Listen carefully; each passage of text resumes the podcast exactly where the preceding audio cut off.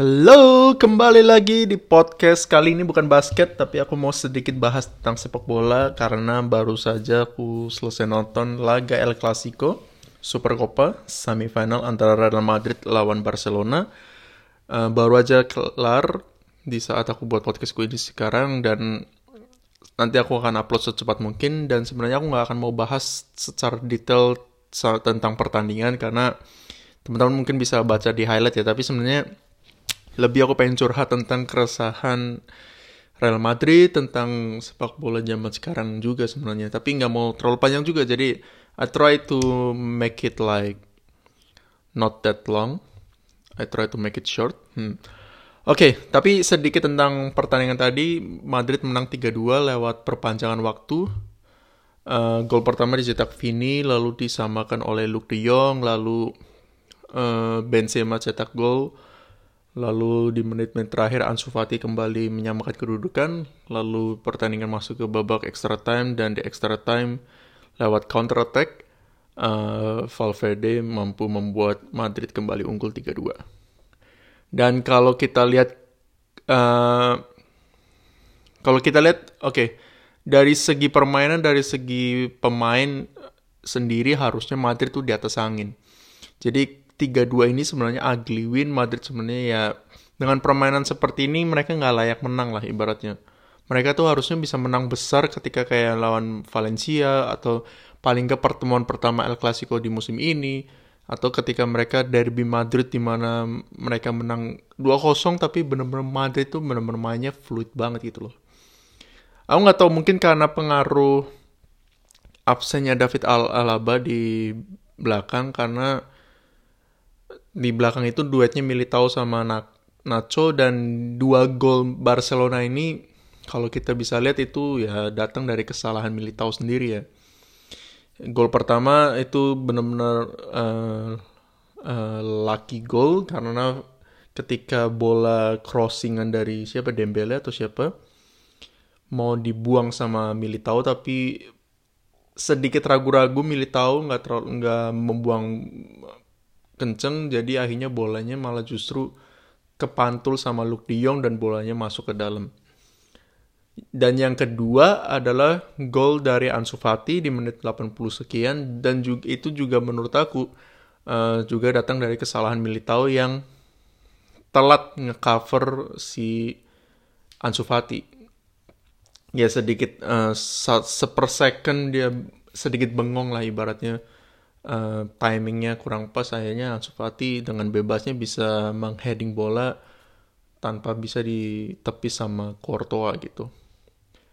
Uh, sedangkan gol Madrid juga datangnya juga gol pertama dari kesalahan Busquets di counter terus gol kedua itu dari set play pertama Benzema nge-shoot ditepis lalu di pegang sama Carvajal, Carvajal crossing ke dalam, Benzema shoot, dan gol ketiga juga dari counter attack yang eh, dimulai dari Casemiro kasih ke Rodrigo, Rodrigo pasang ke tengah atau passing ke tengah, di situ ada Valverde.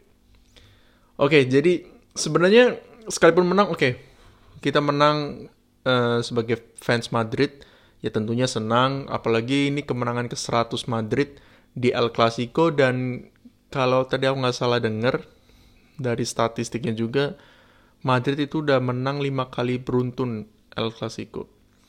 Tapi sebenarnya nggak bisa bangga-bangga banget karena Barcelonanya sendiri kan sebenarnya kalau kita lihat timnya itu ya harusnya jauh di bawah kualitas Madrid. Bukan mereka jelek, tapi karena most of them are young dan beberapa dari mereka juga banyak yang masih belum fit 100% kan dan Safi memang benar-benar memberikan perubahan gitu. Jadi Barcelona, gonna be very scary under Safi. Kalau mereka bisa dapetin pemain yang tepat um, luckily buat mereka. Misalkan kalau mereka bisa dapetin new Messi dan Safi mungkin bisa jadi new Pep Guardiola tadi yang seperti komentator bilang. Tapi which is true gitu loh. Kalau mereka dapat pemain yang tepat nggak ada cedera nggak terkena health protokol dan segala macam Barcelona will be very scary gitu loh. Sedangkan Madridnya sendiri uh, sedikit apa ya? uh, gimana ya? Kita udah nggak bisa lagi sih mengandalkan squad yang ada sekarang gitu. It seems okay kita ada di beratas, berada di atas angin dengan squad yang kita punya sekarang. Justru sebenarnya ini ironiknya sepak bola. Mungkin kalau kita bisa bicara Spanyol ya. Madrid kan sekarang ini kan ada di puncak klasemen La Liga. Tapi kalau kita lihat permainannya dan segala macamnya itu harusnya nggak layak gitu tim seperti ini bisa main atau bisa berada di puncak uh, La Liga yang menunjukkan bahwa di saat yang bersamaan memang kayak Barcelona juga lagi inkonsisten, Atletico juga lagi inkonsisten, terus tim-tim lain juga Sevilla, Valencia memang ya dalam 10 musim ke belakang memang tim-tim itu memang agak susah untuk ngejar tiga tim besar ini ya. Tapi menandakan bahwa miris ya kualitas pemain sepak bola zaman sekarang gitu loh karena ya kualitas permainan seperti Real Madrid sekarang ini aja bisa memimpin gitu loh kalau zaman dulu tuh dengan kualitas Madrid yang sekarang ini mungkin ya kayak waktu dibantai 5-0 sama Barcelona, dibantai 4-0 sama Liverpool, dibantai sama Munchen atau Dortmund dan segala macam. Dan sekarang ini kan Madrid uh, seperti buah si malakama ya. Di satu sisi oke okay, kita senang lah sebagai fans karena karena Madrid meraih kemenangan. Of course selalu kita selalu senang dong. Tapi di satu sisi yang lain uh, tim kita ini nggak bagus-bagus banget loh sebenarnya. Sometimes kita menang bagus, sometimes kita main bagus, tapi sometimes melawan tim-tim yang parkir bus atau tim-tim yang jelek ibaratnya tim-tim yang ada di bawah klasemen kita kalah atau kita draw, kita mainnya jelek, kita nggak tahu mau gimana bolanya, bolanya cuma muter, muter, muter gitu. Jadi definitely Madrid butuh banget pemain sih. Harusnya sebagai uh, di posisi Florentino Perez atau manajemen Madrid harusnya harus bisa melihat sih. Jangan cuma sekedar oke okay, kita lagi kemenangan kok ini gitu loh atau kita lagi ada di puncak. Tapi sebenarnya untuk jangka panjang this is not a good team. This is not uh, championship team sih menurut aku. Makanya penting banget di bursa transfer musim ini atau sorry musim depan untuk Madrid mendatangkan pemain-pemain baru yang yang bisa menggantikan pemain-pemain senior atau pemain-pemain muda yang yang kurang cocok main di Madrid gitu. Karena kan Madrid sekarang ini masih mengandalkan misalkan trio di tengah. Modric, Casemiro, Kroos, terus di depan masih ada Benzema kan kita udah nggak bisa lagi mengandalkan mereka. Mereka udah 30 tahun ke atas semua. Casemiro pun ya juga 30 something atau 29 itu pun ya udah udah, cukup tua kan udah hampir tua. Jadi kita nggak bisa ngandalin mereka lagi gitu. Sedangkan nanti kalau ada pemain baru yang datang juga, uh, kalau kita lihat kualitas pemain Madrid sekarang, yang kita bisa cuma andalkan itu yang menurut aku Courtois, lalu Alaba, Mendy, Mendy pun setelah aku tadi melihat game tadi lawan El Clasico, dia juga nggak main terlalu bagus. Sometimes dia buat keputusan yang agak salah, kadang dia delay bola terlalu lama, terus atau dia terlalu banyak gocek-gocek bola di area pertahanannya sendiri yang membahayakan bisa dia kehilangan bola dan bisa kena counter. Jadi tapi ya oke okay lah, Mendy masih mungkin bisa dipertahankan. Lalu kalau nama-nama seperti yang tadi uh, tiga pemain tengahnya Modric, uh, Casemiro sama Kroos sama Benzema misalkan di depan atau Carvajal di belakang. Uh, ya yeah, they're still good tapi kan maksimal satu tahun lagi mungkin satu dua musim lagi untuk Modric misalkan untuk Benzema. Karena ya karena pengaruh umurnya itu loh. Jadi manajemen Madrid harus bisa melihat jauh bahwa oke okay, ini pemain udah harus diganti kita harus cari pemain penggantinya. Untuk mempersiapkan ya untuk generasi selanjutnya. Kalau enggak ya Madrid akan kembali lagi uh, terperosok lah ibaratnya. Susah lagi untuk bisa menang di Eropa apalagi harus lagi menunggu selama 12 tahun lagi ibaratnya untuk bisa kembali berprestasi di Eropa kalau Madrid nggak cepat-cepat menemukan pemain pengganti yang bagus gitu bahkan nama-nama pemain muda seperti Vini, Rodrigo uh, itu menurut aku masih kurang impresif sih. Taruh kata Vinicius deh. Yang orang banyak bilang, media banyak bilang musim ini adalah musimnya dia, dia cetak banyak gol dan segala macam.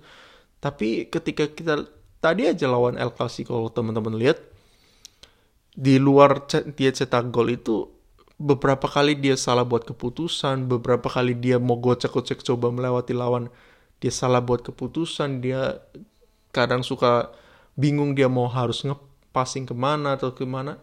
Jadi tuh biasanya secara kualitas Vini pun juga ya he's good, he's a typical Brazilian player gitu, tapi ya kita ingatlah dengan namanya Robinho ya. He's he was a very talented player, but ya he didn't he didn't succeed with Madrid gitu karena ya mungkin nggak sesuai dengan tipikal pemainnya Madrid ya. Begitu juga Rodrigo, Rodrigo juga not that impressive uh, untuk it, buat pemain Madrid sendiri ya. Jadi makanya sebagai fans Madrid berharap banget misalkan Benzema eh sorry Mbappe datang di musim depan atau Haaland datang. Jadi manajemen Madrid ini harus bisa cepat mencari pengganti yang tepat untuk para pemain-pemain Madrid yang udah mulai senior atau yang gak sesuai. Dengan catatan juga harus sesuai juga dengan tipe pemainan Madrid gitu loh. Kayak misalkan contoh Eden Hazard 2-3 musim yang lalu datang tapi Eden Hazard ini juga bukan tipe pemain Madrid ya, bukan tipe pemain bola yang cocok untuk bisa bermain di Madrid. Dia itu tipenya kan sebenarnya kayak Modric juga kan yang yang playmaker yang banyak bawa bola dan segala macam. Kena, ya itu kenapa akhirnya dia kurang sukses di Madrid. Karena ketika bola itu dipegang sama Modric dan harusnya diselesaikan sama Benzema eh, sama Hazard, sampai sama Hazard juga di play lagi, diputer lagi jadi akhirnya gak heran sampai sekarang Hazard nggak terlalu banyak punya menit bermain karena ya di satu sisi nggak terlalu ngeklop dengan permainan Madrid dan ketika mau dikasih ke Hazard nih playmakernya dia juga lama-lama nggak ngetune juga sama permainan Madrid dan Modricnya sendiri juga lagi on fire juga ya. Akhirnya membuat menit bermainnya Hazard turun dan akhirnya Hazard sekarang benar-benar kualitasnya juga lagi turun. Nilai marketnya juga turun dan nggak bisa lagi kita melihat Hazard seperti Hazard dulu ketika di Chelsea. Bahkan ketika musim terakhirnya di Chelsea yang mereka bisa juara Europa League kan begitu luar biasa kan Hazard gitu. Jadi makanya selain beli pemain juga harus pemain yang benar-benar sesuai dengan kebutuhan Madrid sendiri sih. Dan kalau bisa kalau kita ingat juga ya tentang pemain-pemain yang didatangkan Madrid di awal tahun 2009 itu ketika Los Galacticos kedua kan Madrid kan kan gak cuma berhenti membeli Ronaldo. Tapi di satu sisi waktu itu langsung Madrid beli Ronaldo beli Benzema. Dia juga waktu itu beli Kakak juga beli Sabi Alonso dan segala macem. Ya karena waktu itu memang kondisinya Madrid itu pemainnya udah nggak ada yang sesuai banget gitu loh. Jadi persis banget sih sekarang ini tuh Madrid lagi ada di zaman tahun 2008 2007 di mana Los Galacticos pertama udah selesai, Raul Guti itu udah bukan waktunya lagi. Makanya ketika 2009 udah saatnya pemain-pemain baru itu datang. Kayak Ronaldo, Benzema, dan pemain-pemain lama seperti Marcelo yang muda waktu itu, Ramos waktu itu masih muda, Casillas masih um, masih bisa perform ya dipertahankan. Tapi pemain-pemain kayak Guti, Robin even Robin tuh bagus kan, terbukti dia dibayar dia bisa sukses tapi nggak cocok gitu. Jadi not every good player mungkin bisa ngefit ke dalam sebuah tim. Jadi makanya akhirnya Robin dibuang malah justru bersinar banget sama Bayern Munchen. Jadi makanya sekarang ini Madrid ada di posisi transisi itu di mana mereka butuh pemain baru tapi di saat yang bersamaan juga manajemen sendiri juga harus bisa langsung mencari pemain-pemain yang udah siap ngecun juga di posisi midfielder misalkan, di posisi back juga misalkan. Jadi kedatangan Bape ini nggak akan lagi jadi sia-sia. Karena kan sia-sia misalkan ketika misalkan Bape datang, terus habis itu musim depan Modric misalkan udah lagi performa turun, uh, terus habisnya kayak Kroos, Casemiro, Benzema juga udah mulai turun dan segala macam. Akhirnya Mbappe sendiri yang benar-benar bersinar tapi 10 pemain di sekitarnya nggak bisa mensupport dia lama-lama dia punya kualitas juga turun. Akhirnya kita sia-sia juga kan udah spend berapa ratus juta atau oke okay, mungkin Bape akan datang dengan gratis tapi kan akan sia-sia gitu loh. Dan buat bapaknya sendiri juga akan sia-sia juga terutama apalagi dia usia masih muda begitu. Nilai marketnya dia bisa jadi drop. Jadi akan sangat ditunggu sih dan sangat menarik uh, pergerakan dari manajemen Madrid dari Florentino Perez. Siapa-siapa pemain aja, uh, siapa uh, pemain-pemain siapa aja yang bakal di transfer sama Florentino Perez. Kalau Mbappe oke okay lah, Mbappe hopefully he is coming. Yang menarik justru siapa lagi nih pemain-pemain yang bakal didatengin. Madrid definitely butuh penyerang. Kalau bisa, uh, kalau datang Bape sebenarnya cukup dulu untuk penyerang ya. Di di depan oke okay, masih bisa ada Benzema, Mbappe sama Vini mungkin masih bisa dengan backup Rodrigo. Terus ada Luka Jovic juga oke. Okay. Midfielder nih sebenarnya walaupun Madrid sekarang punya Valverde, Madrid punya Kamavinga, tapi Madrid ini butuh cari penggantinya Modric sih. Madrid tuh benar-benar butuh cari penggantinya Modric sama penggantinya Kroos. Jadi dua pemain itu dibutuhkan. Lalu di back juga Madrid butuh pemain back kanan untuk menggantikan Carvajal ini.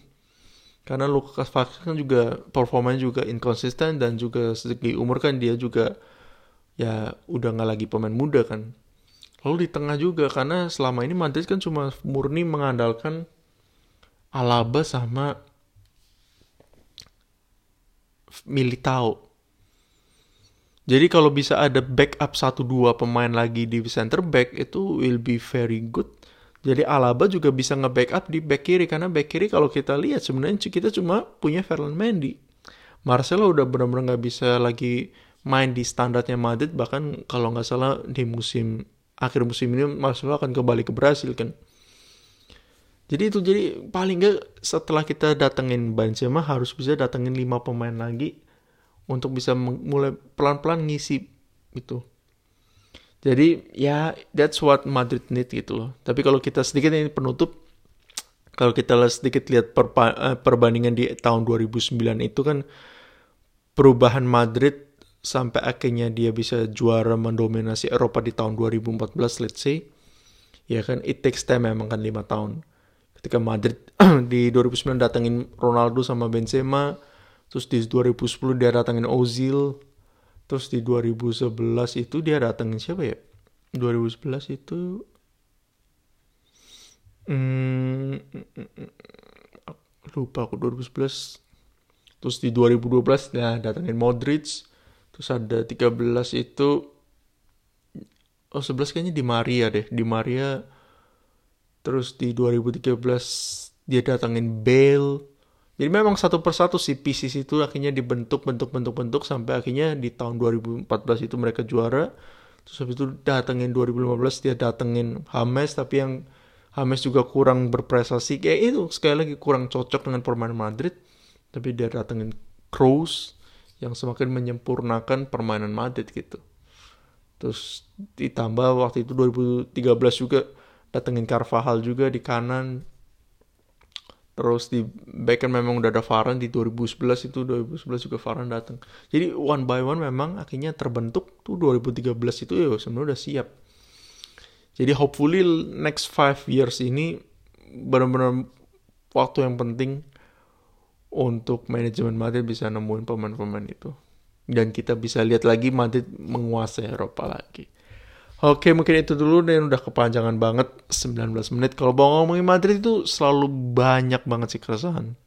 Apalagi tadi aku di awal sebenarnya sempat bilang mau bilang keresahan sepak bola ya, tapi ya tadi udah sedikit singgung di mana Madrid dengan kualitas pemain segini kok bisa gitu loh.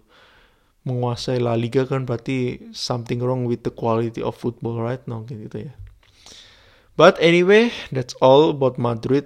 Hopefully Madrid di Super Copa final ini di hari Minggu akan bertemu antara Atletico Bilbao dengan Atletico Madrid. I don't know mungkin kalau menarik aku akan buat review atau buat curhat-curhat lagi.